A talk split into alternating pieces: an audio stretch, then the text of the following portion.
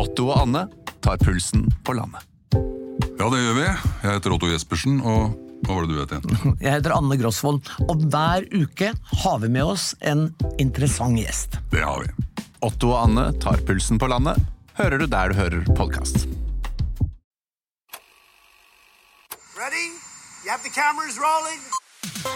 He was hosting boozy parties in Downing Street. But when the president does it, that means that it is not illegal. I have a dream. We will win this election and we will save the country together. All allies agree that Ukraine will become a member of NATO. Velkommen. Velkommen. Mitt navn er Sofie Høgestøl, Og mitt navn er Eirik Bergesen. og dette er vårt nokså uhøytidelige, veldig personlige forsøk på å gå bak ukas nyheter, lete etter sammenhenger, si noe om framtiden, på jakt etter det store bildet, slik vi ser det. Hver fredag. Men nå har vi faktisk snakket både tirsdag og onsdag også. Eh, Det var livepoder, men som enda ikke er lagt ut. Mm, på Festspillene. I Bergen. Så rett før vi satte oss ned nå, så sa du at du nesten, nesten føler deg litt sånn utsnakket. Jeg, jeg tror jeg aldri har sagt det før, Nei, før en innspilling, men det, øh, og aldri følt det før heller, kanskje?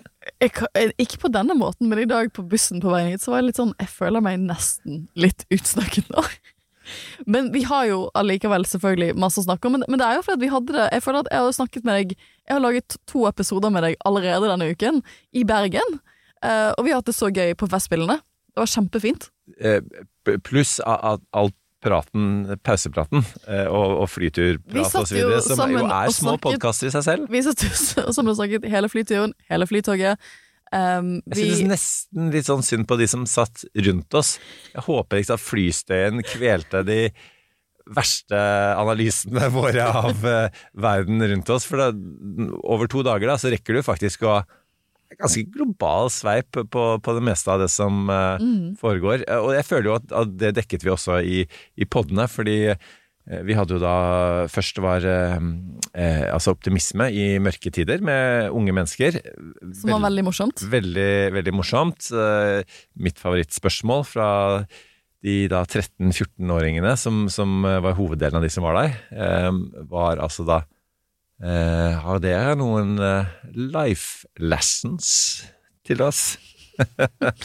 Hva vi, hva vi svarte på det spørsmålet, vil du kanskje få høre på, på disse bonusepisodene. Jeg gleder meg til å høre selv hva det var vi svarte. Det, det var alt, it was all a blur.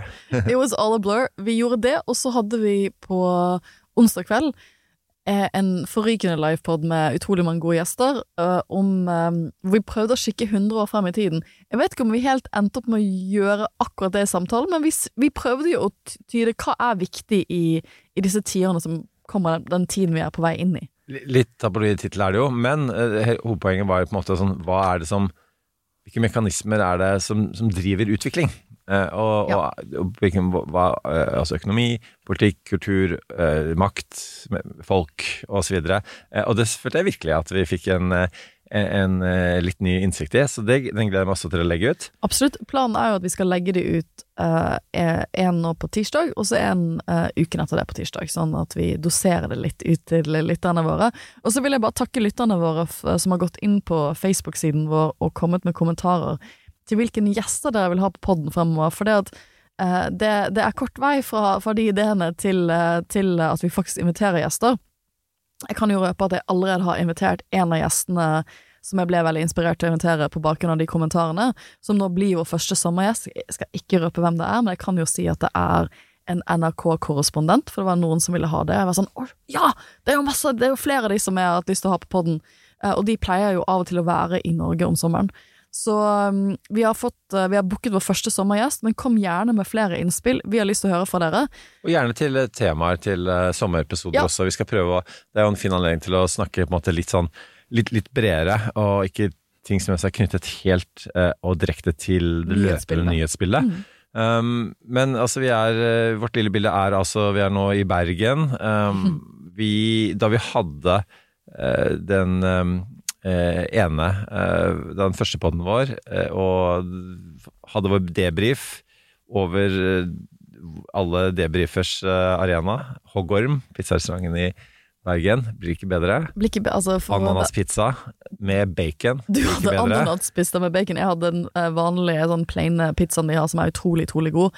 Eh, alle våre bergenske lyttere vet nok at det er den beste pizzaen i Bergen. Ingenting plaint med hoggormpizza. Og så eh, skal vi tilbake. Du eh, skal ikke eh, bryte deg av at du er i Bergen en eh, sen maikveld. Nei, jeg, har ikke gjort, jeg hadde ikke gjort skatten min.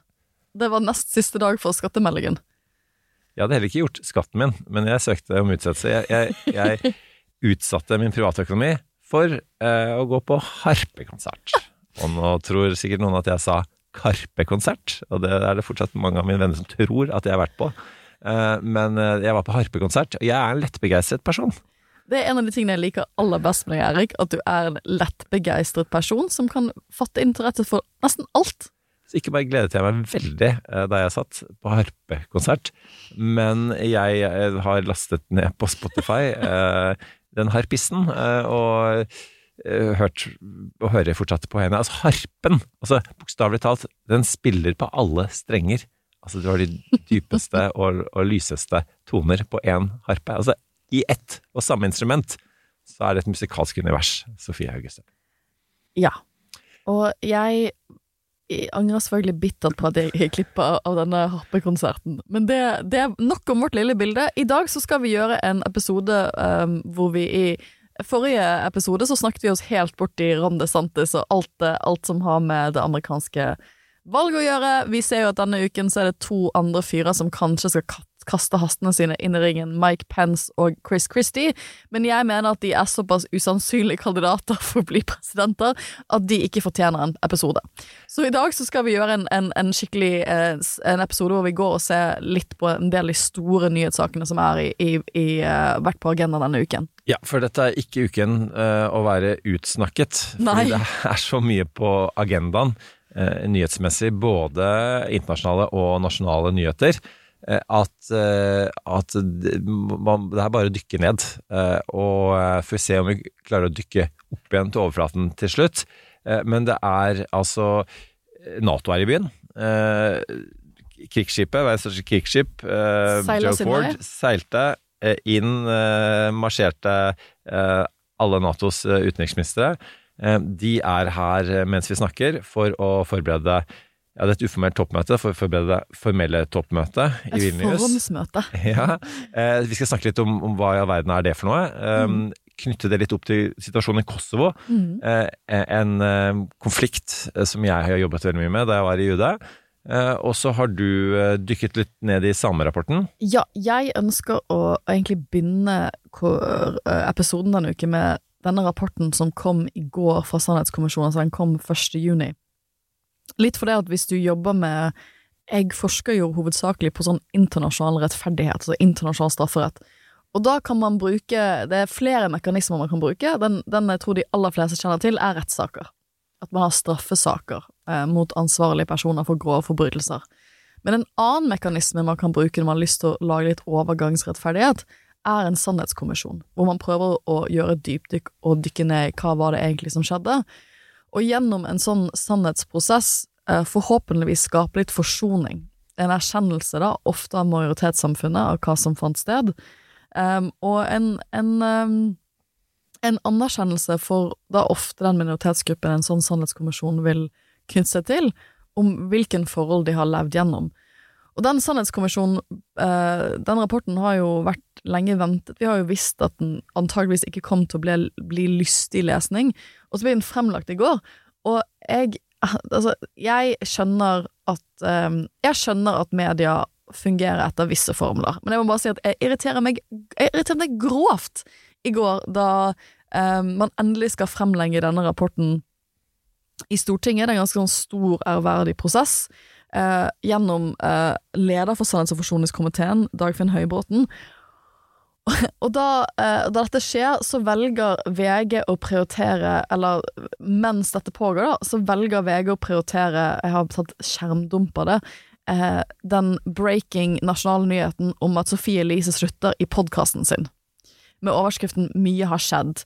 Og da, jeg føler det er veldig sånn uheldig at toppsaken var bli 'Mye har skjedd' med et bilde av Sofie Elise slutter i podkasten, mens under er da bilder av eh, stortingspresidenten, en del av de samiske aktørene som kom for å se på den rapporten, bli overlagt, hvor stortingspresidenten sier 'mørk del av Norges historie'.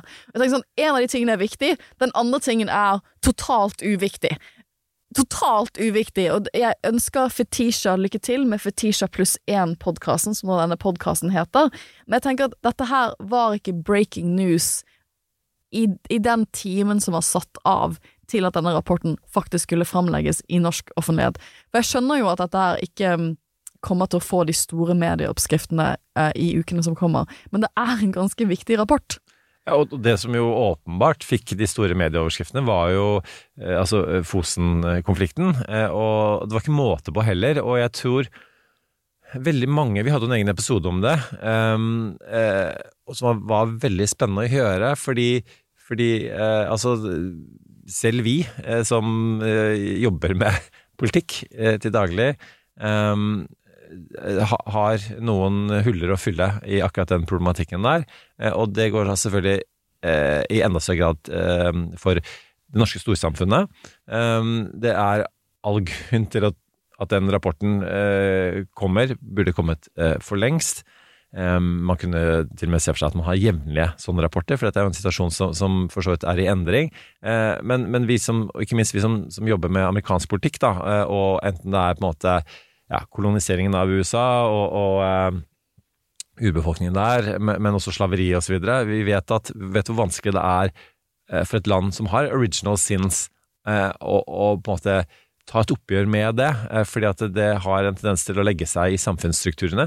Og det, og det gjelder også eh, samenes historie, og derav uttrykket fornorskning også. Og mm. rapportens mm. hovedfunn er jo at den fornorskningen eh, pågår fortsatt. Så det, det er ikke ja. bare snakk om måte, å, å, gjenopprette gammel skade, men rett og slett ta tak i ting som, som pågår nå. Ja, for, for, rapporten tar jo tak i en del av disse strukturene og påpeker at fordi at man har hatt denne fornorskningsprosessen, og det har vært så systematisert, så eksisterer de samfunnsstrukturene fortsatt i dag. Så det påvirker de samfunnsstrukturene vi har i dag.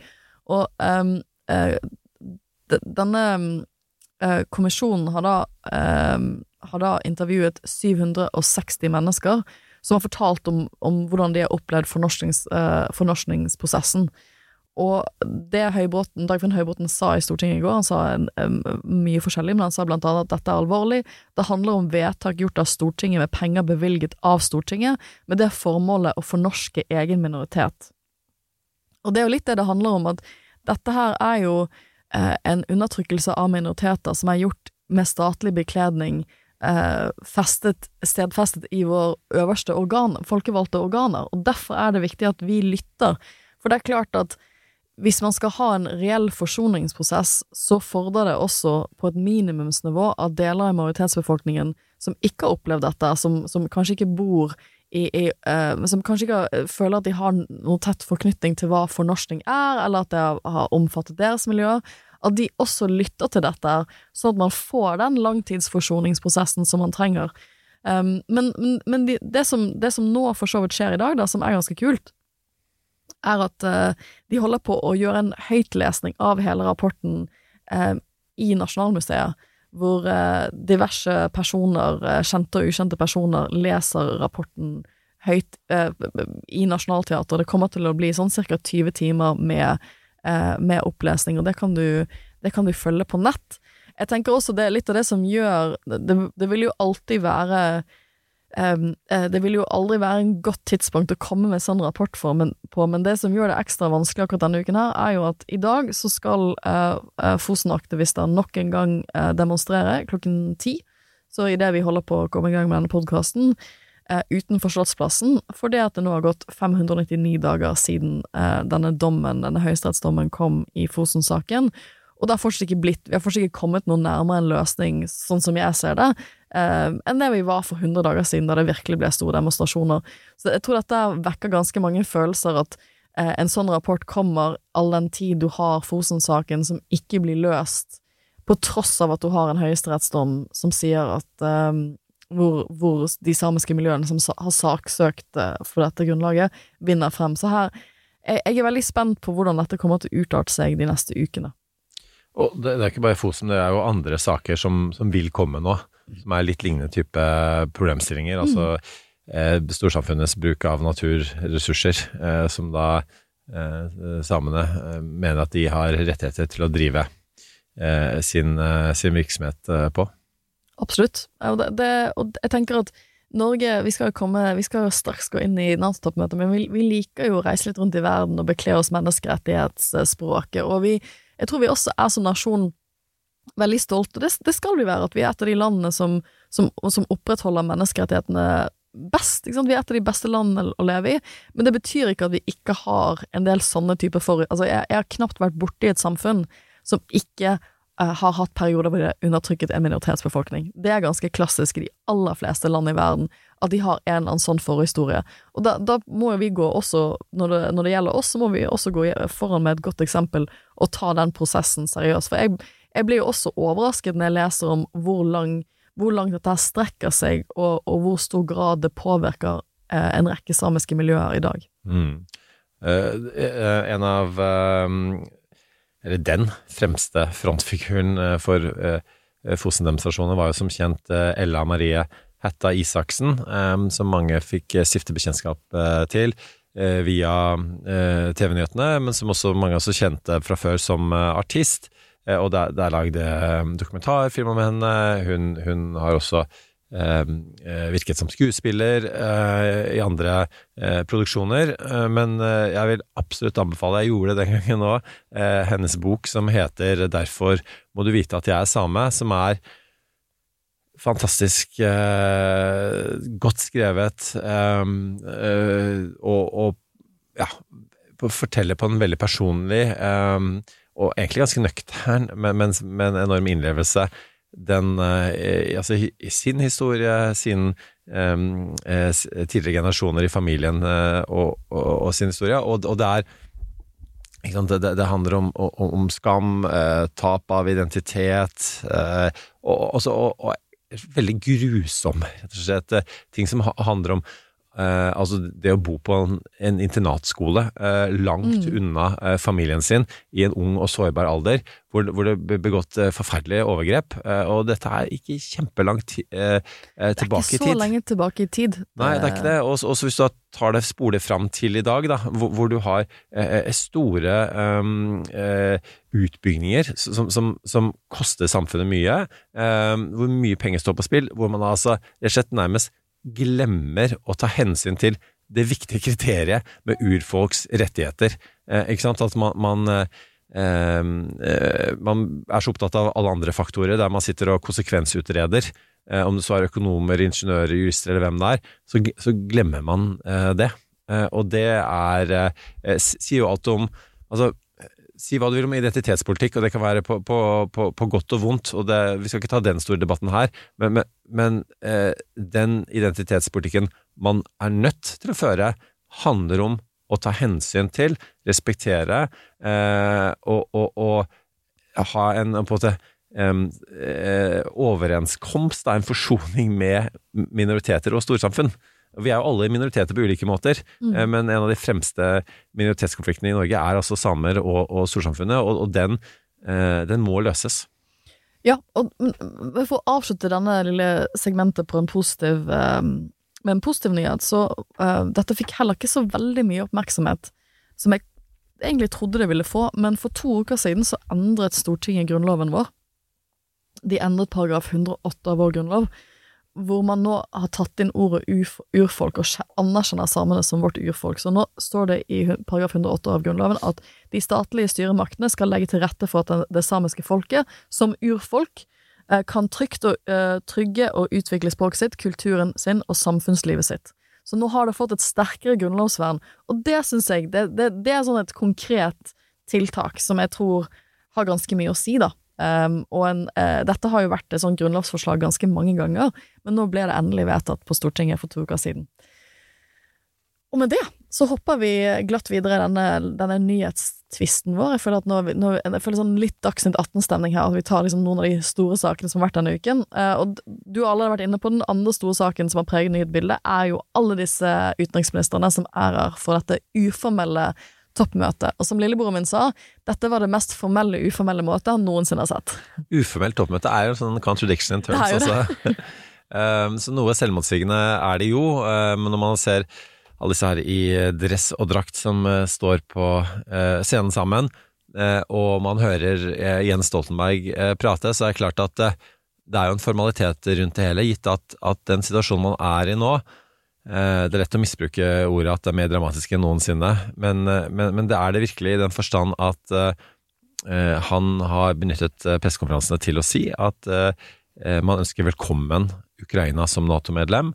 Uh, man eh, eh, Ukraina kommer til å bli Nato-medlem eh, på, på et tidspunkt, eh, og så vet vi også at, at det nå eh, blir sendt F-16 eh, fly dit, og at de da, eh, altså Nato, skal da trene eh, flyvere eh, til den hensikten, eh, og, og styre disse flyene, og, og, og det vil jo selvfølgelig endre eh, krigen. Eh, og så vet vi også at eh, slik krigen står i dag, så har jo også noen av kamphandlingene eh, da forflyttet seg til eh, russisk eh, side av grensen. Eh, noe som også er hvor det er mange uklarheter rundt det. Eh, et annet av bakteppet er jo at eh, Erdogan i Tyrkia eh, akkurat nå formelt har da vunnet eh, valget med 52 til 48 mot 48 prosent, eh, og skal da regjere i nye fem år, med, med, med alt vi vet om hans ja, autoritære, populistiske eh, lederstil. Eh, sånn at det er eh, Det er mye formelt med dette uformelle møtet. Ja, og det har jo kommet en del store nyheter fra møtet. En av de som vi kanskje ikke hadde sett for oss eh, før møtet, er at USA åpner et diplomatisk kontor i Tromsø. Og søsteren min jobber jo på Norsk Polarinstitutt, og de har jo kommet ut med en pressemelding og er ganske Syns dette er veldig spennende, for det, det muliggjør jo et litt annet norsk-arktisk samarbeid eh, hvis man har et sånn amerikansk tilstedeværelse i Tromsø. Vi var jo og gjorde livepod der på begynnelsen av året eh, og snakket om hvorfor nordområdene er viktig, og det har tydeligvis USA også tenkt. Eh, Dette blir jo den nordligste eh, utposten som USA har eh, diplomatisk. Det er veldig spennende. Men jeg, jeg satt jo og, når jeg satt og så på bildene på Dagsrevyen og hørte om menyen disse utenriksministrene skulle spise, og at de liksom hadde tilrettelagt for at de skulle mingle mens de spiste, sånn at det skulle De, de håpet at det liksom de skulle sitte der og chatte litt med hverandre eh, i en mer uformell setting, så lurte jeg veldig på, for Eirik, du er jo vår, eh, vår, vår mann i UD, vår mann som har UD-erfaring. Hvilken type arbeid har UD lagt ned for å få til et sånt uformelt toppmøte? Altså Her er jo ordet protokolæ... Proto... Jeg klarer ikke å uttale engang. Det er for lenge siden jeg har vært i UD. Protokollært. Eh, som, er, som handler om liksom, akkurat det du sier nå, altså hvordan man legger til rette eh, for samkvem, enten det er formelt eller uformelt. Eh, og det er, del, det er jo noe av det viktigste med diplomatiet. Hvis du ser for deg at eh, diplomatiet er på en måte en slags sånn et byråkrati, da, men, men, men med en ekstra understreking av det personlige. De personlige møtene mellom folk. og, og det er ja, the, the last uh, two steps, som man ofte kaller diplomati. Altså den, den distansen det tar å gå bort til å ta noen i hånda uh, og, og, bli, og bli kjent med dem. Og, og det er uh, for å bygge et nettverk som man kan bruke i, i gode og ikke minst onde tider. Da. Um, og, det er Nei, altså, så En av de tingene man vi trent til i diplomatiet, da, på aspirantkurset, var vi husker vi var på regjeringens representasjonsbolig um, og øvde på, på, på dette her. Altså, vi, vi eh, Jeg da eh, tilla meg evnen til å bordsette kamformede bord. Kamformede Kamformede bord, altså for eksempel en E-form da, på et bord, ikke sant? Ja. Hvem skal sitte hvor? Det er vanskelig nok bare en konfirmasjon ikke sant? med 15 gjester, og så er det ja, men den, den fraskilte onkelen og tanten og den, eh, den personen, er det en kjæreste, er det ikke? Eh, skal de være med, skal de ikke? Videre. En ting er på en måte familieforholdene, men hvem er det som egentlig liker hverandre og ikke? Og akkurat sånn er det jo selvfølgelig enda verre eh, med, med disse politikerne. ikke sant? Hvem er det som hvem er det som liker hverandre, hvem er det som ikke liker hverandre, hvilke land er det som liker og ikke liker hverandre, hvem satt eh, ved siden av hverandre sist? Det finnes heldigvis da en egen software eh, for dette. ja. Man plotter inn eh, alt dette i, i et program, og så får du, får du ut av en slags slags Et matrise. utkast. Altså, I det programmet kan du da si 'disse personene liker hverandre ikke'. disse personene pleide å være kjærester, men nå er det ikke det lenger. Altså, kan man legge inn sånne hensyn? sånn hensyn? er kjærester, og det er ingen som Vet. vet, eller de tror at det er ingen som vet det, men så vet, er det flere som vet det allikevel. Eh, nei, det, eh, godt spørsmål. Vi, har, vi hadde en episode om, om eh, kunstig intelligens i stad, eh, og det er jo en slags kunstig intelligens da, som, som eh, legger til rette for dette. Men man trenger eh, menneskelig intelligens fortsatt i verden, og ikke minst i diplomatiet. Så, så det må gjøres en ryddejobb, ja, basert på den matrisen der, for å finne ut hvordan det her skal se ut til slutt. Og, men det er en type vitenskap. Eh, og hvis du legger til også av disse, av disse kanapeene som skal lages det, det, Altså, jeg kødder ikke. Uh, vi satt og eh, skar opp og lagde kanapeer. Det er en del av aspirantkurset. Hvordan føles det å ha slått ut For når du søkte aspirantkurset? Blomsterbinding kan det òg.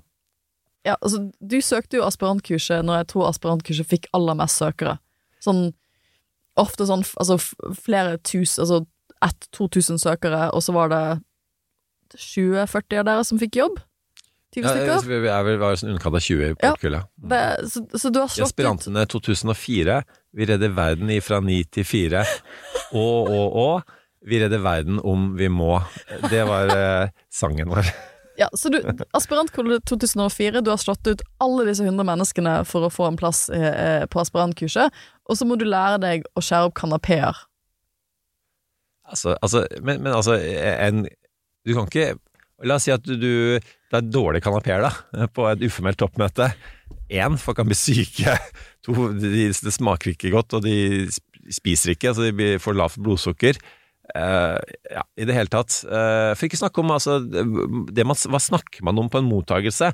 Uh, det som er litt eh, artig med det, at eh, det er jo en um, eh, sosialantropolog som heter eh, um, Jan Paul Brekke, eh, som har eh, vel er på Institutt for samfunnsforskning nå. Noen kjenner han fra, fra Løvebakken. Han er også eh, komiker, eh, og improkomiker. Og han eh, skrev en gang for kona hans jobber i UD en, en eh, vitenskapelig artikkel om hva snakker man om på en mottakelse, som også da, fordi han er komiker, var veldig morsom.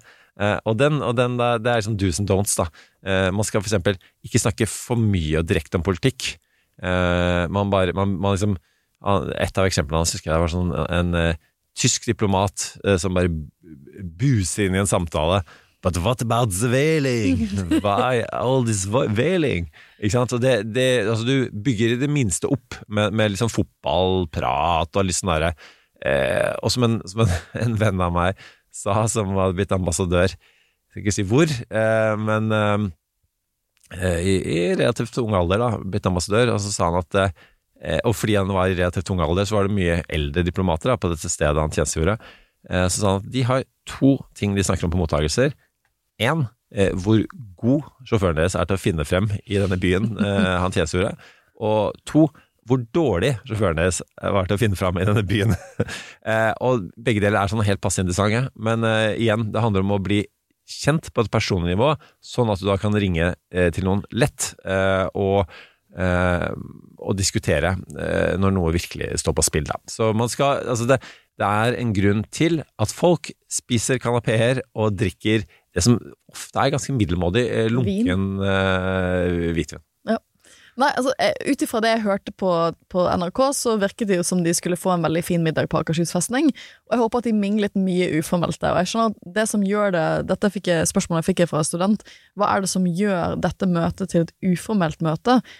Og slik jeg har forstått det, så er det definisjonsmessig det at de ikke skal gjøre noe eh, eller fatte noen offisielle vedtak på møtet. Ja, og, og forberede det formelle møtet Ja, i, i- i Vilnius. Eh, som om noen få uker, eh, som jo er, blir det viktige, eh, og hvor man da på en måte skal eh, ja, som sier, gjøre vedtak, og egentlig gjøre det som er eh, altså Prøve så godt man kan å overkomme det som også i diplomatiet kalles diplomatic ambiguity, eh, som altså litt sånn derre som, som til og med eh, kan havne i eh, formelle avtaler òg. Eh, sant? At, man er litt sånn usikker på hva man egentlig mener med, med, med, en, formulering. Og det er veldig åpent for tolkningsspørsmål, men man, man, man, man klarer rett og slett ikke Man har ikke tid til å drøfte det ferdig for i hele tatt uh, skulle, Ellers så får man ikke til noe som helst avtale. Um, og det er jo det, det er, Man prøver å fjerne diplomatic ambiguities på ulike områder med de formelle uh, toppmøtene. Så det er mye som heng, kommer til å henge i lufta etter at man har forlatt uh, Oslo nå. Nei, det, det, er bra du sier det, for jeg pleier å undervise mine studenter i at diplomatic ambiguity er grunnen til at vi ofte får veldig dårlige folkerettslige tekster. Ja. Og så er det vi jurister som sitter sitte og altså, Hva betyr disse ordene her? Og så blir det mye tvil, tolkningstvil. Og du vil jo, du, vil jo eh, du har jo lyst til å ha presise tekster eller presise vedtak, sånn at det er en forent enighet eh, du går ut med etter et møte.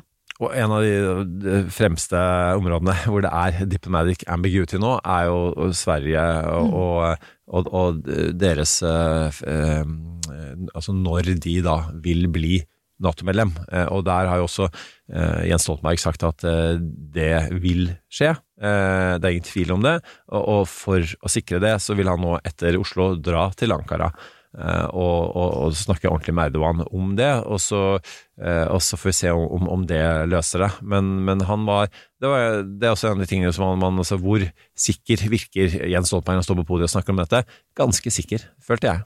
Ja, altså, eh, svensk Nato-medlemskap hang jo over hele dette uformelle toppmøtet. For det er kanskje noe av det viktigste som skjer, og det er viktig for oss også, og Finland. For det at for, uten Sverige i Nato så har vi ikke denne forente grensen mot eh, vi, vi, vil jo nå ha en sånn forent grense, sånn nordisk grense mot Russland, som også da er Nato-grense. Så det å sånn kunne samle oss i en blokk, eh, det, det, er geografisk og politisk viktig, rett og slett, og praktisk viktig. For så snart eh, Sverige kommer inn i Nato, så vil man da også ha muligheten til å gjøre det, det, det, dette har jo mye å si for sånn hvor man skal stasjonere folk, hvor skal man ha militærbaser, det er alle disse spørsmålene her, og man kan jo ikke begynne med den type planlegging ordentlig før Sverige er fullverdig Nato-medlem. Ikke sant, og, og, og, en av de tingene som også ligger i det at eh, Sverige og Finland eh, blir medlemmer, er jo at, at vi vil få et, et, et annerledes forhold til, til Nato, og selvfølgelig da få et tettere forhold til Sverige og Finland militært, og det vil også man vil også se for seg en type sånn utveksling av, av eh, ressurser um, militært rundt dette. Men så må vi også legge til at, at eh, altså uoffisielt, uf, uformelt, uformelt, så er Sverige er å, betrakte som et Nato-medlem. Altså, ja. eh, Russland kom ikke unna med å behandle de som noe annet. Nei, og det, sånn. det, var vel en av signalene, de viktigste signalene som en del av utenriksministrene og Jens Stoltenberg sendte, eh, har sendt de siste dagene, og det er jo at eh, angrep eller encroachments, altså eh, fremstøt mot Sverige, det vil Nato se veldig alvorlig på. Så selv om det ikke formelt er juridisk inn i alliansen, så er de fortsatt en del av dette forsvarssamarbeidet nå. Og den politiske og diplomatiske dansen som må gjøres um, de neste ukene for å få Sverige formelt inn, for jeg antar at dette er noe Jens Stoltenberg ønsker å gjøre før han går av som Nato-sjef, um, det, det, blir veldig spennende å se, rett og slett. Jeg uh, brukte jo litt av torsdagen min på å høre på Geir Hågen Karlsen, som sikkert mange av våre lyttere har sett mye på TV. Han er jo en av disse uh, dyktige personene fra stabsskolen som er ute og forklarer oss Ukraina-krigen, og har gjort det uh, tett, føler jeg, altså døgnet rundt, mer eller mindre, siden invasjonen. Men jeg, jeg, har møtt han en del backstage, eller på NRK hvis vi har vært der samtidig. Han er en veldig hyggelig fyr, men jeg har ikke fått muligheten til å høre han holde et foredrag før. Eh, og det fikk jeg på torsdag, og da snakket han litt om hva er liksom status for Ukraina-krigen akkurat nå. Og da var hovedbudskapet hans at eh, dette er altså det er mye usikkert, det er mye vi ikke vet, men akkurat nå ligger dette an til å bli en lang utmattelseskrig. Og som han påpekte, krigen har jo eh, pågått siden 2014.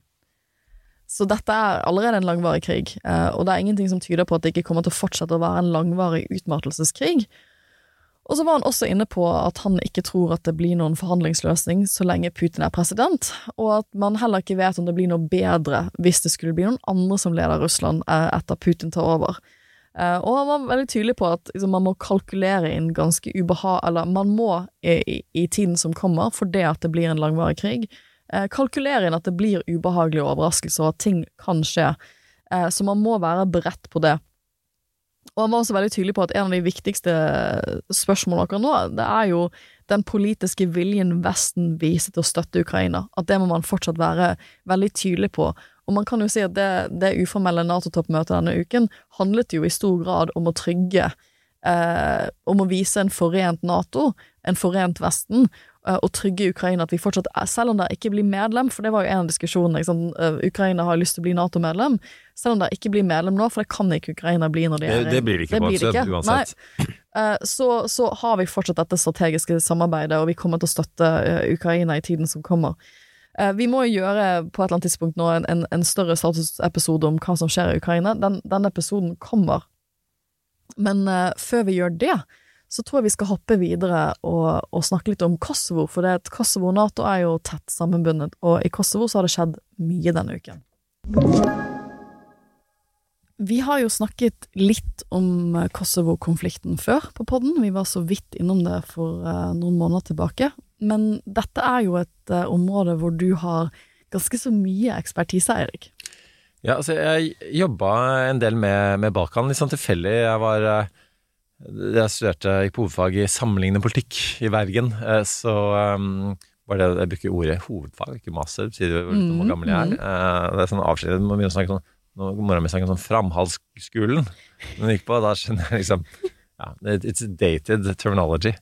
Nei, men vi, um, vi dro faktisk til, eh, til Bosnia um, året etter krigen, uh, og da og så skrev jeg litt som frilans for Bergenstidene, så, så jeg skrev, skrev om eh, krigen der, og har jobba mye med Balkan da jeg var i UD, og, eh, og, og reist i de områdene. Og, og da Kosovo ble uavhengig, og prosessen fram til det eh, skjedde mens jeg jobbet på EU-delegasjonen i Brussel, um, og det var et av mine ansvarsområder, så ble det en sånn EU-operasjon som het EOPOL um, Kosovo.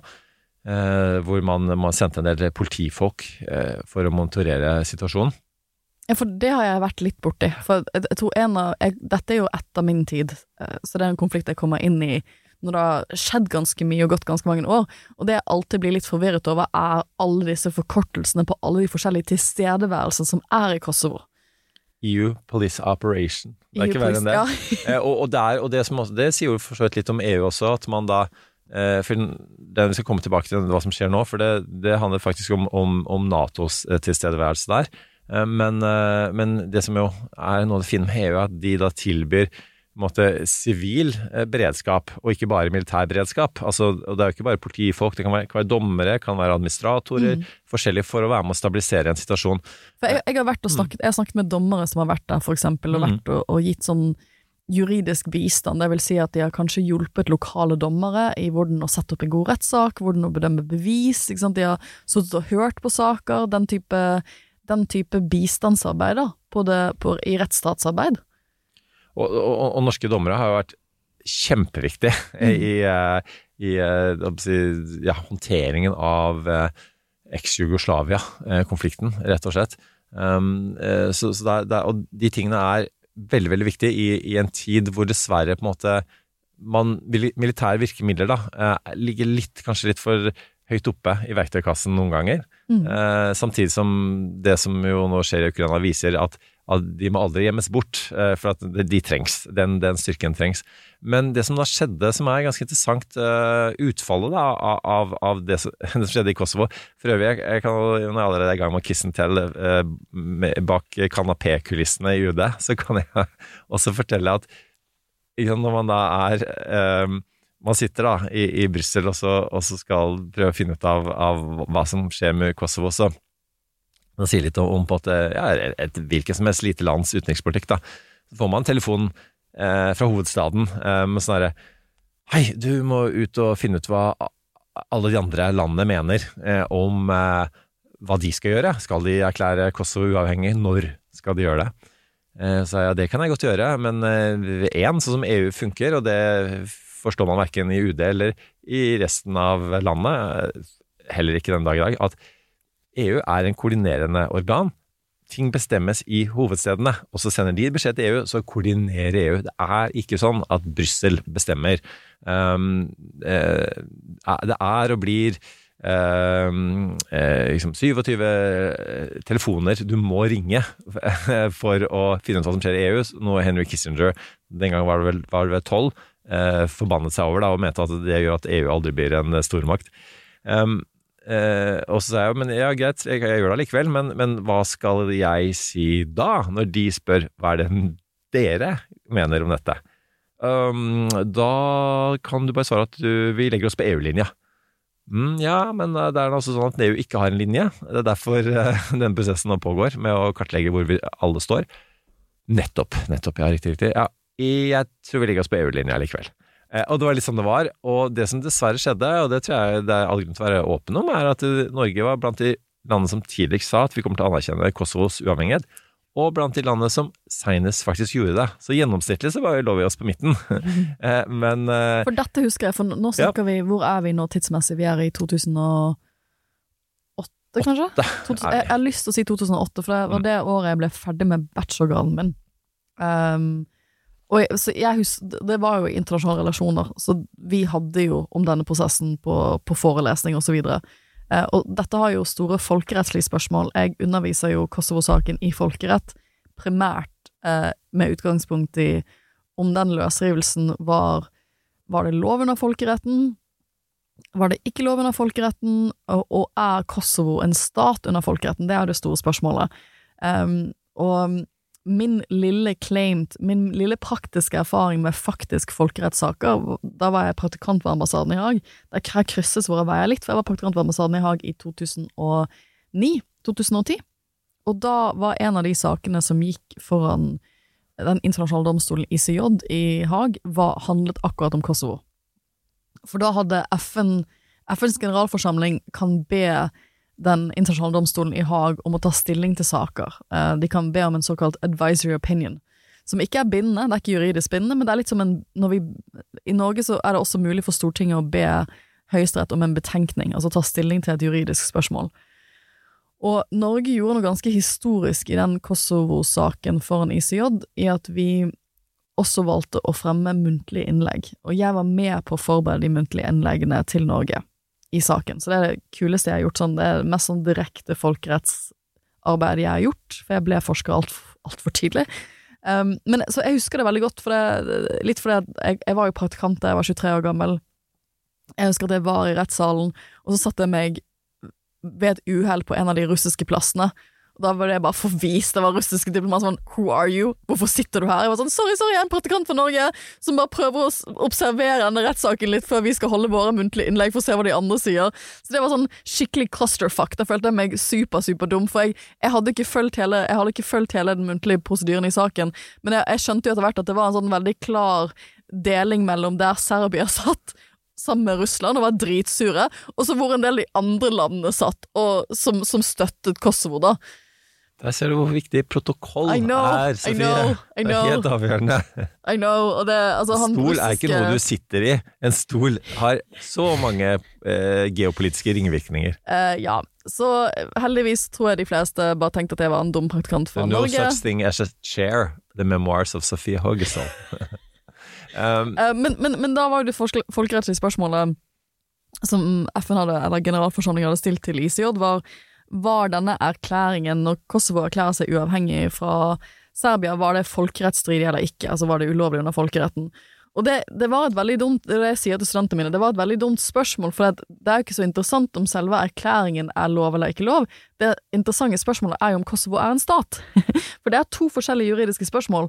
Eh, så det ICJ gjør i den saken der, og det var litt derfor vi valgte å prosedere, eller valgte å, å, å intervenere i saken, for at, hvordan var det vi erklærte oss uavhengig fra Sverige? Jo, vi kom med en uavhengig, unilateral erklæring, så vi gjorde akkurat det samme som Kosovo. Ja. Så vi var der litt sånn av historiske grunner, men, men, Og så er det spørsmål om hvem som tilslutter seg den uavhengighetserklæringen. Ja, ikke sant, men, nå, men, var, men vår hoved, uh, vårt hovedpoeng var at det er en politisk erklæring, den har ikke noe med folkeretten å gjøre, ikke sant. Den, den er kun en politisk erklæring, og det var mer eller mindre det ICJ sa i saken også, at ja, de har erklært seg uh, for, liksom, uavhengige, unilateralt. Det har ingenting med folkeretten å gjøre, det er noe annet enn det folkerettslige spørsmålet om de er en stat. Og det betyr at det har ikke blitt avklart om Kosovo er, folkerettslig er en stat eller ikke. Uh, og det er jo fortsatt noe vi det, det er jo litt av kjernen i konflikten der.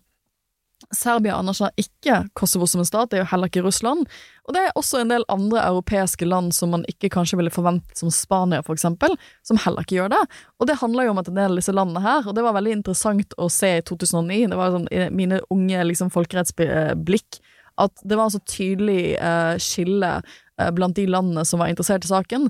For de landene som var ganske interessert, var jo land som Spania, som har utbryterregioner selv, og ikke var så interessert at Den internasjonale domstolen skulle komme med noen sånne regler rundt hvordan man skal løsrive seg, for det tror jeg folk var veldig redd for. Det gjorde jo heller ikke domstolen, de hoppet litt bukk over det. Um, men det betyr jo at eksempel når Kosovo spiller jeg tror, fotballkamp med Spania, så kaller ikke Spania Kosovo for Kosovo. De er veldig tydelige på at vi, det, det, at vi spiller fotballkamp mot dere, betyr ikke at vi anerkjenner at dere er en folkerettslig stat. Så de kaller de et eller annet annet. Og, og, og det, det, som er veldig interessant med det, er jo akkurat det samspillet mellom da, juss og politikk. Du, du, kan ikke ha den ene uten å ha den andre. Eh, og, og du man endte da opp med, og, og det er sånn derre um, Det også er, er et veldig godt eksempel på hvor effektivt EU som regel fungerer. Eh, fordi det er, det, ser, det er rotete, det er aldri elegant, men man lager politikk. Eh, og det er eh, det, det, For det som da skjedde, var som du sier, ikke sant um, Kosovo har erklært seg uavhengig.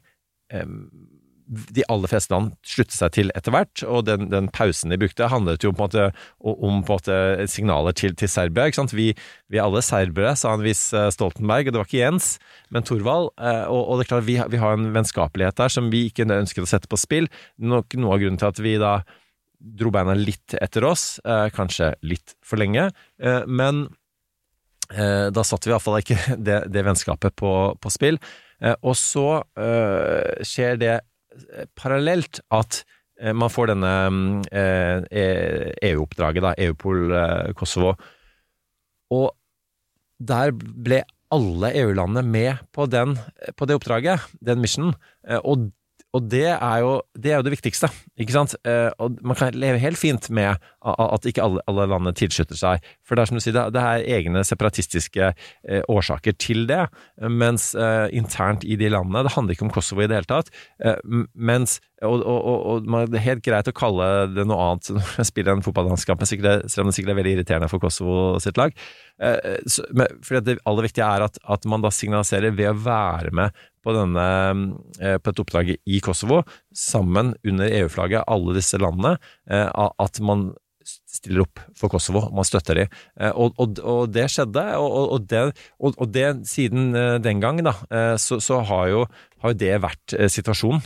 Og det har vært i en, i en litt sånn urolig En veldig urolig del av verden historisk, har det vært kanskje, la oss si, relativt rolig, da, fram til i dag. Og før vi går på hva som eh, nå skjer, så tenkte jeg bare å legge til en, en anekdote som betydde mye for meg da jeg var, var diplomat. Eh, hvor jeg da altså eh, har eh, krigsskolen på besøk på EU-delegasjonen. Vi snakker om akkurat det vi snakker om nå, og jeg eh, forteller om det store bildet. Eh, det geopolitiske bakteppet her, med hvordan liksom Russland er, er, er sinna på USA, og ikke minst Nato, fordi Eh, Nato, det første militære eh, altså bombingen Nato gjorde, var jo eh, på Serbia av Kosovo, for å stoppe Milosevic. Det man mente var et, slags folkemord på, på den kosovo-albanske befolkningen, og som da som resultat da, ble grunnlaget for, for uavhengigheten eh, seinere. Um, og, og, og, og, russerne liker jo Eh, ingen vestlig intervensjon i områder eh, rundt seg selv, selv om det er etnisk rensing involvert. Så, så, og så, så, snakket jeg om, om Russland ditt, USA datt osv. Og, så kommer det altså en, en, ganske ung psykolog som, som, er med gruppen, bort til meg i pausen og sier at kjempefint det om alt det store bildet, men ikke glem at disse soldatene mange av de skal til Kosovo for å tjenestegjøre, skal til den type områder, og de skal møte mennesker på bakken og, og på en måte leve seg inn i deres eh, liv og, og, alt som står på spill for de, og, og da er liksom det geopolitiske bakteppet eh, viktig, men, men, liksom, men, men, man må ikke få det til å handle bare om det. Eh, for at eh, politikk er så mye mer enn det, og det var bare sånn her eh, eureka for meg, og noe som jeg har sittet i helt siden den gangen. Ja, for, bare for å si det åpenbare her, men det, det, er ofte det åpenbare som må sies. Grunnen til at Kosovo erklærer seg uavhengig, er jo fordi at de en, har vært en autonom region innenfor Serbia med en etnisk minoritetsgruppe. Så det handler jo om at de ønsker å, eh, å ha sin egen nasjon. Eh, fordi at de har vært langtidsundertrykket eh, av den serbiske majoriteten. Og da er vi rett inn i Balkankrigene. Og um, altså, hvis man vil, da, så kan man gå tilbake til 1389 Mm. og slaget på Kosovo og Polje. Og det, ofte, det gjør ikke minst serberne og, og, og mange andre som skal måtte forstå det som skjer på Balkan. Um, og, og, det, og det er grunn til det. Det var det ottomanske riket som kjempet mot, mot eh, Serbia osv. Uh, og, og det har mye historisk betydning.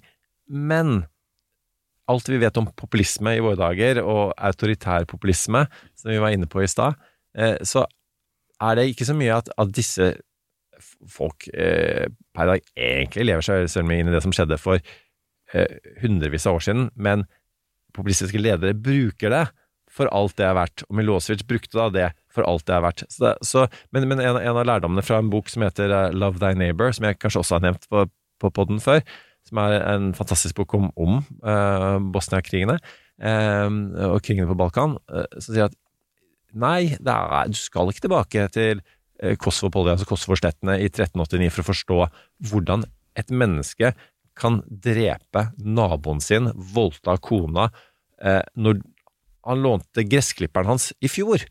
Da er det, et, sånn- da er det noen populistiske eh, krefter, autoritære, eh, morderiske krefter, som utløser dyret i mennesket. Eh, og og det, det, har, det har skjedd eh, mange steder i verden, Rwanda er en av de, hvor, hvor på en måte man får en slags sånn, sånn der offentlig hysteri eh, som gjør at, eh, at bestialitet eh, skjer. Altså um, det som man eh, kan ikke kalle noe annet enn umenneskelighet. Og det handler ikke om slag for mange hundre år siden. Det handler om at, en, en, at mennesker blir utnyttet kynisk av, av krefter, eh, politiske krefter. Ja, og det er jo den volden, den, den, den veldig alvorlige volden, og de veldig alvorlige forbrytelsene, som gjør at man nå blir så urolig når det da nok en gang er opptøyer og eh, vold som skjer i Kosovo, for man har jo vært her før. Og det er en, nå skal jeg bringe inn, når vi snakker om populisme, så skal jeg bringe en mann vi aldri har snakket om på podkasten før, og det er Novak Djokovic. Som skapte overskrifter, for han, eh, han holder jo på å spille tennis i French Open. Jeg er faktisk litt tennisfan, så jeg ser faktisk på French Open. Heier Kasper Ruud. Um, men han vant da Etter han vant sin første kamp eh, på mandag, uh, så er det tradisjon for at du skriver ofte en hilsning inn i sånn kameralinsen.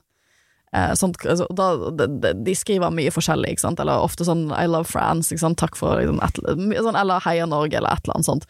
Og det han valgte å skrive inn i sin Kava-tv-lense eh, rett etter at han vant på mandag, var følgende Kosovo is the også hjertesymbol of Serbia. Stop the violence. Ja. Snakk om contradiction in terms. Ja. Um, ja, og konteksten her er jo Djokovic sin far som faktisk da er født i Kosovo. Og han sa jo, han har jo han har sagt senere i uken, for han har fått massiv kritikk, det er jo Kosovo, det er jo folk som har prøvd å, å, å si at han, han burde få en, en, slags, en slags formell reaksjon eh, fra de som organiserer French Open, men han har da sagt senere at han syns det var viktig å give my support to our people and to the entirety of Serbia. Så han uttrykker jo for så vidt et sentiment som er, som er ganske hverdags, altså som, som, som er det bærende sentimentet i, i, i Serbia rundt en del av disse spørsmålene.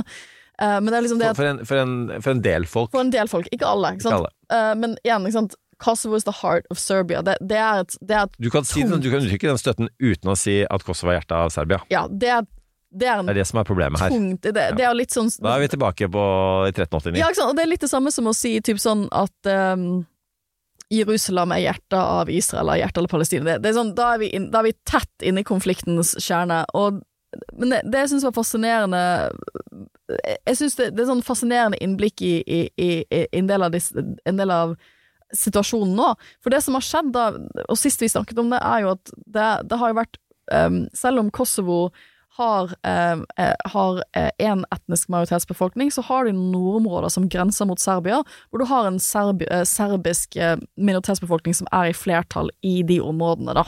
Og, og, blant annet byen Mitrovica. Og da, da vi var i Pristina i altså eh, rundt Ja, på den samme tiden, da, eh, som eh, Kosovo ble erklært eh, uavhengig.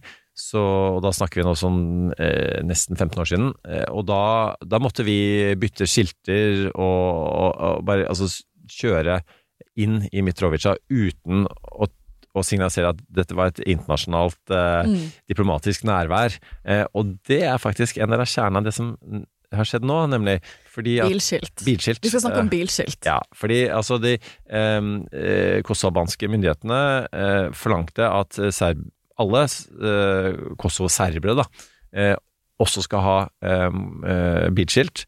Eh, som da som, som, Hvor det er Kosovo. Hvor det står Kosovo. Ja, og det, dette høres jo litt sånn igjen, Dette høres ut som de små tingene, men hvis du prøver å etablere en nasjon, så er det å insistere på at vi skal ha vår egen nasjonale bilskilt. For det er jo det, dette er jo en del av å si at nei, men vi er en stat på lik linje med alle andre, så vi skal ha Kosovo-bilskilt på alle biler i Kosovo.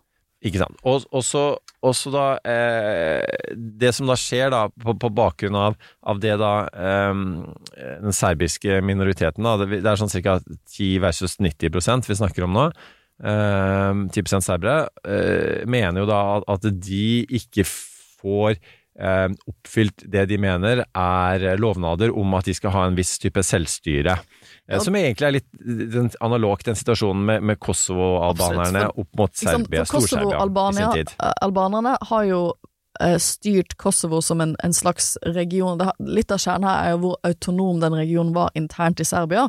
Og når de bryter ut, så er det jo fordi at de vil ha selvstyre for seg selv. De er lei av å være en del av den serbiske stat, de har lyst til å styre seg selv. Og nå har du disse, disse kommunene, disse serbisk-dominerte kommunene i Nord-Kosovo, som på mange måter ønsker en viss grad av internt selvstyre fra den kosovo-albanske majoriteten.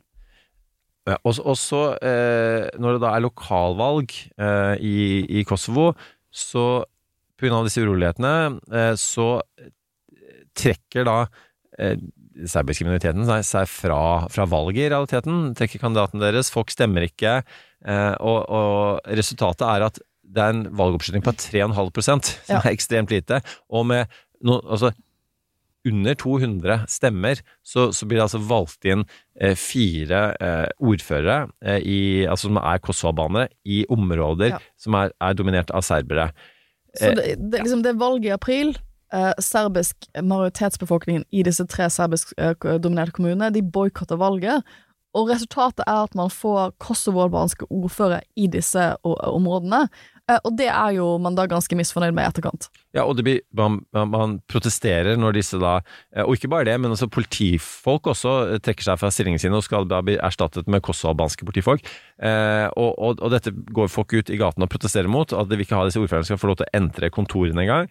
Eh, og det blir opptøyer. Eh, og, og det var noe sånt som 25, tror jeg, altså Nato-soldater, eh, fortrinnsvis fra Italia og Ungarn, som da blir Skadet. hardt skadet også flere av de, eh, i tillegg til, flere sivile serbere. Eh, og en ekstremt uheldig situasjon, eh, og midt oppi det så, så, så er um, altså Aleksandr Vukic, som er Serbias president, ganske ehm, nasjonalistisk. Han ønsker å sende enda flere serbiske militære til, til for å holdt å si avhjelpe situasjonen, er det ikke, det er egentlig for å eskalere.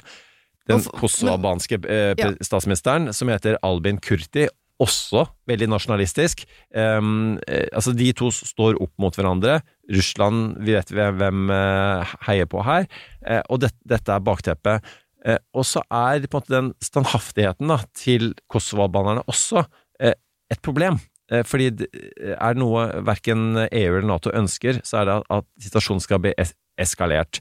Eh, det har ført til at, eh, USA, da, ved Anthony Blinken, også har vært veldig tydelig eh, opp mot eh, myndigheter på at dere har et ansvar for å dempe konflikten. Og for å si det sånn, altså er det, det er ingen som er mer USA Hvis folk tror at Norge er, om det er Vanse eller hvor det er i Norge, er veldig USA-vennlige Kosovo er så USA-vennlige som det kan få blitt. Altså, i, I Pristina, hovedstaden, så er det altså en, det er en Bill Clinton-statue. Ja. Du har George Bush Boulevard, du har Madden Albright eh, oppkalt gater etter. Altså, eh, sånt, og det, så Forhåpentligvis så vil de nytt, lytte til amerikanerne nå, og det er de helt avhengig av. For at, eh, nå- her må faktisk begge sider dempe seg. Eh, for at det er, er i ferd med å, måte ta eh, for mye oppmerksomhet da, fra det som skjer i Ukraina. Ja, og Jens Stoltenberg reagerer jo på dette denne uken, disse, denne opptrappingen denne uken i spenningene, og at disse, ikke minst det at 25 Nato-soldater blir såret med å sende inn 700 ekstra Nato-soldater til Kosovo. Um, og det er jo litt sånn klassisk at du ser en opplysning i en konflikt som har, som har ligget der og verket, Uh, og igjen, i, i 2008-2009 så hadde nok eh, unge idealistiske meg trodd at man ville få en bedre løsning på Kosovo-konflikten enn det man har i dag, for det, det er jo litt status quo for sånn det var i 2008-2009, og det skulle jo ikke være en permanent situasjon at Kosovo har den uavklarte statusen det har i Europa og i verden eh, folkerettslig, og at du har en, den type EU- og Nato-tilstedeværelse for å egentlig bevare roen. Det er jo ikke sånn man skaper en velfungerende samfunn eh, og, og, uavhengig stat på sikt.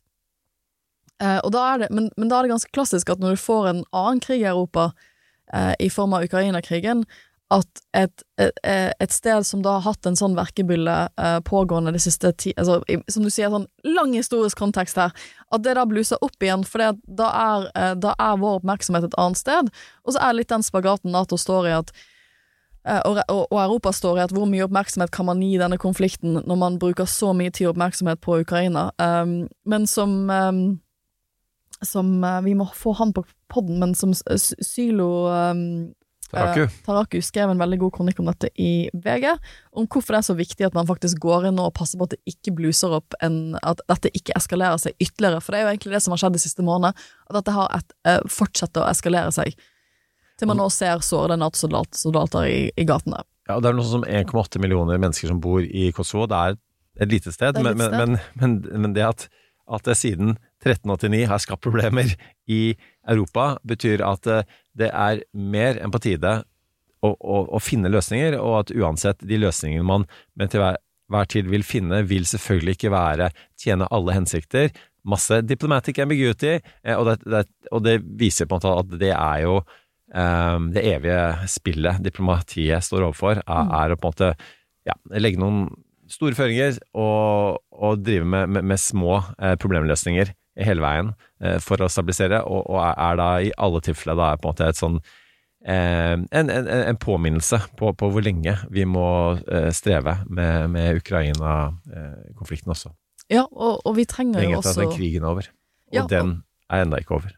Nei, og, det er jo også det at vi trenger Serbia i den situasjonen vi er i med Ukraina nå. Vi trenger vi, um, Serbia har jo ganske tette bånd, har hatt ganske tette bånd til Russland. Det er, det, det er jo litt det som ligger bak her også, og, og vaker bak konflikten.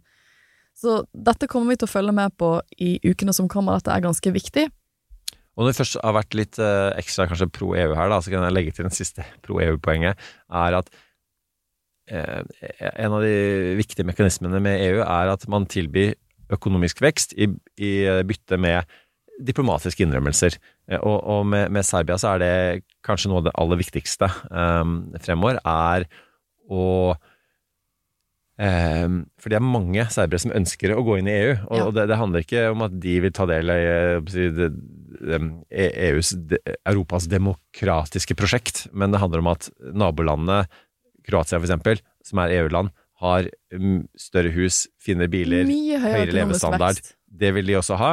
Ok, det skal dere få, dere kan bli EU-medlemmer, men da må dere faktisk eh, anerkjenne Kosovo, i det minste stabilisere situasjonen, bidra til å stabilisere mm. situasjonen der, osv. Eh, og, og, og det, er, det, er, et av kanskje de viktigste håpene eh, om, om, litt eh, ro i akkurat den regionen. Og med det så har vi gjort et uh, skikkelig sveip over det utenrikspolitiske nyhetsbildet denne uken, og vi går videre til ukens av- og påkobling.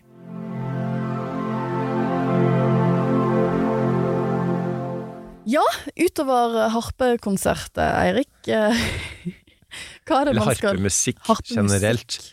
Festspillene spesielt for øvrig, som, som pågår fortsatt. Mm. Eh, så den bør, eh, de bør absolutt eh, anbefales. Nei, jeg tror faktisk, så, så vidt jeg vet nå, så har vi to avkoblingsanbefalinger begge to. Det er ingen mm. påkobling, for det er mer nok ting som skjer i verden, så man trenger ikke å kobles ytterligere på. Man må kobles av. Min uh, avkobling uh, denne uka har vært uh, boka This Is Going To Hurt, Secret Diaries of a Junior Doctor. Adam Kay har skrevet den. Han var lege. han hoppet av. Litt så føler jeg sånn Jeg, jeg kunne skrevet Secret Diaries of a Junior Diplomat, kanskje. noe tilsvarende. jeg som hoppet av, av den geskjeften. Nei, det var altså den det minnet meg på liksom, Jeg var, var med i en podkast med Kaveh Rashidi, som, som, sa bare sånn Hvordan i all verden orker du å jobbe med eh, internasjonal politikk? Det er jo helt forferdelige ting som skjer hele tiden, og det er krig og lidelse og alt mulig. Det må være helt ille. Og så skjønte jeg ikke hva han mente engang, for jeg tenkte sånn Hvordan orker du å være lege? Det er jo sykdom, krig og død. Hele, ikke krig, da. For krig sikkert sånn internt på sykehusene og med myndighetene om hvor du skal legge sykehuset og hvor mye bevilgninger osv. Det er nok en krigssituasjon. Men altså jeg kunne hadde gjort det du gjør, eh, og det har jo helt konkrete menneskelige um, omkostninger der og da, rett i trynet ditt. Og det var han litt enig i, da. Så fant vi ut at vi på hvert vårt nivå jobber med det samme, og noe av grunnen til at vi begge jobber med det samme, og at det, det finnes leger og det finnes diplomater, er jo at man føler at man eh, klarer å hjelpe litt, eh, og så er det name of the game at man eh, klarer ikke å løse alt. Men eh, den var da, i tillegg til den erkjennelsen, så var den å For en sympati man har med leger etter å ha lest den. Eh, kunne aldri tenkt meg å vært, eh, vært lege eh, etter å ha lest den. Um, men eh, først og fremst veldig, veldig veldig morsomt skrevet. Uh, en, en um, kaskade av tørre britiske understatements anbefales veldig. Jeg har for øvrig blitt Netflix-serie også, men som alt ja. annet, boka er bedre. Ja, altså jeg har hørt om denne boken før, og på mors, mor min sin side så er de aller fleste sykepleiere. Og jeg tenker veldig ofte at jeg kunne aldri gjort den jobben de gjør. Eh, det er en um, tøff jobb, det er en krevende jobb, og det er også en jobb hvor du Særlig hvis du jobber på sykehus, men jeg tror generelt sett hvis du, hvis du jobber i, i, i, helsesektoren, så er du jo gjerne med folk i det som for dem fort blir den verste dagen i deres liv. Eller en av de største krisene de har vært gjennom. Og så skal du være der som medmenneske, eh, du skal være der som støtte, du skal eh, ikke minst treffe på den diagnosen du stiller, og behandlingsløpet eh, du setter opp, og du skal gjøre det alt det under ganske pressede økonomiske forhold. Du skal leve med alle de gangene du ikke klarer å gjøre det. Ja, og jeg tror akkurat den, den, tyngden i at hvis du skal jobbe som lege eller sykepleier i en lang karriere, så vet du at du kommer til å feilbehandle. Du vet at du kommer til å gjøre feil. Og de feilene kommer til å få veldig store Så når jeg gjør feil i min jobb, så, så kan det være at det er ytterst konsekvens lager jeg en feil eksamen sånn at det går utover studentene mine, og man kanskje må ha eksamen på nytt. Det er kanskje den største feilen jeg kan gjøre på jobb. Eh, men eh, Det er klart at det er kjipt, men det, det koster ikke noen liv. Men eh, det, det er jo Um, Sånn er det ikke i helsesektoren, og den boken fikk veldig mye oppmerksomhet da den kom ut i Storbritannia, fordi at den skildrer et, Storbritannia har jo også hatt offentlige helsetjenester, eh, NHS, som har vært veldig under press økonomisk siste tiåret. Og den, den, boken fikk så mye oppmerksomhet, for jeg tror mange kjente seg så igjen i den skildringen av et helsevesen med så mange helter som bare ikke har ressursene til å gjøre den jobben de har lyst til å gjøre. Når jeg gjør feil i min jobb, eh, noe jeg gjorde i stad, og nå fant jeg en eh, inngang til å rette opp Jan Per Brekke er jo ikke sosialantropolog, han er sosiolog. Sosiolog. Nå sparte jeg meg den PFU-klagen. Beklager, Jan Berbrekke. Igjen, feil i min eh, pratevirksomhet eh, har få, om noen, konsekvenser for eh, verden rundt seg. Ja. Min anbefaling denne uken er også en avkobling. Jeg føler at det var Bergen var litt sånn, litt sånn regntungt og litt kaldere, men jeg elsker jo Bergen litt regntungt. Det gir meg Jeg, jeg syns det var veldig hyggelig. Jeg gikk en sånn morgentur på onsdag eh, og, og nøte, nøte litt regntunge skyene rundt Bergen. Um, men i, i, vår del av landet så har det vært strålende vær. Uh, og uh, jeg, jeg, har sånn skikkelig sånn sommerstemning nå. En av de tingene som faktisk gir meg sommerstemning, det er å se på tennis. Uh, jeg bodde jo lenge i Storbritannia, da så jeg ofte om sommeren så så vi på Wimbledon og, og, og satt ute i parken, og da viser de det ofte på storskjermer. Så det å se på French Open som går nå, det er min ukens avkobling, for jeg syns at um, fotball kan være gøy å se på. Men tennis, der skjer noe hele tiden. Er en, altså, tennis er en sport hvor det, det, det er vanskelig å kjede seg. Eh, for det er så fort, det går så fort, og, og, ikke minst er det så atletisk. Det å se måten eh, disse spillerne grasiøst hopper for å ta et nesten umulig shot Eh, eller eh, liksom springer fra én ende til den andre, eller liksom muskelmassen det kreves å gjøre en, en, eh, en smash-serv som setter motstanderen, og, og all strategien som ligger i uh, hvor du skal sette ballen, sånn at du kan vinne rallyen om sånn tre, tre eller fem runder frem og tilbake. Nydelig. Nydelig, nydelig, nydelig. Um, jeg heier på Kasper Ruud. Han kom jo i, til finalen i fjor, det var veldig spennende. Han har vunnet sine første to kamper nå, og jeg krysser alle fingrene for at han går inn i denne helgen hvor han skal inn i sin jeg tror, tredje runde i French Open. Krysser alle fingrene, eller fjerde runde. Krysser alle fingrene for den kampen. Det er det jeg kommer til å koble av med i helgen. Om ikke det er på Djokovic. Eh, nei. Eh, jeg syns det er interessant Altså, Djokovic, det skal han ha. Han går for liksom være vaksinemotstander. Som han også fikk massive nyhetsoppmerksomhet for. Så etter han, han er liksom endelig ferdig med å ikke få lov til å gå på kamper eller skape massiv, altså store mediestormer på bakgrunn av hans vaksinenekting. Så da bare hopper han videre til neste kontroversielle tema, og det er Kosovo. Um, men han er jo han, han er, Jeg tror han er en av favorittene, for French Open spilles jo på sånn um, clay court, sånn, rød, sånn det, Grus. grus sånn, det spilles på en annen type Men han, tror, han er jo ikke kjent for å være den store gruspilleren. Men i år så er det Det er ikke Det, er litt, det, det virker å være en litt sånn åpen um, situasjon da med, med, forhold til hvem som er favorittene til å vinne, så jeg syns det er veldig gøy. Kasper Ruud slår Djokovic i finalen, skriver på det der glassbrettet du nevnte i stad. This one's for you, Jens. Hæ? Får, Make får, it happen, Kasper Ruud. hvis du vi, hører på. vi får uh, pitche det til han. Det kanskje er Kasper Ruuds anbefalte avkobling fra tennisspillet, er å høre på det store bildet. Det håper vi. Og med det, kjære lytter, så er vi virkelig utsnakket for denne uken her. Eh, Vi kommer tilbake neste uke med en fersk episode på fredag, men også da en bonusepisode fra Bergen på tirsdag. Gleder oss til det, eh, og ha en flott helg alle sammen, og en fortreffelig neste uke. That's enough. Put down the mic. Har du et enkeltpersonforetak eller en liten bedrift? Da er du sikkert lei av å høre meg snakke om hvor enkelt det er å levere skattemeldingen med fiken, så vi eh, gir oss her. Fordi vi liker enkelt. Fiken superenkelt regnskap.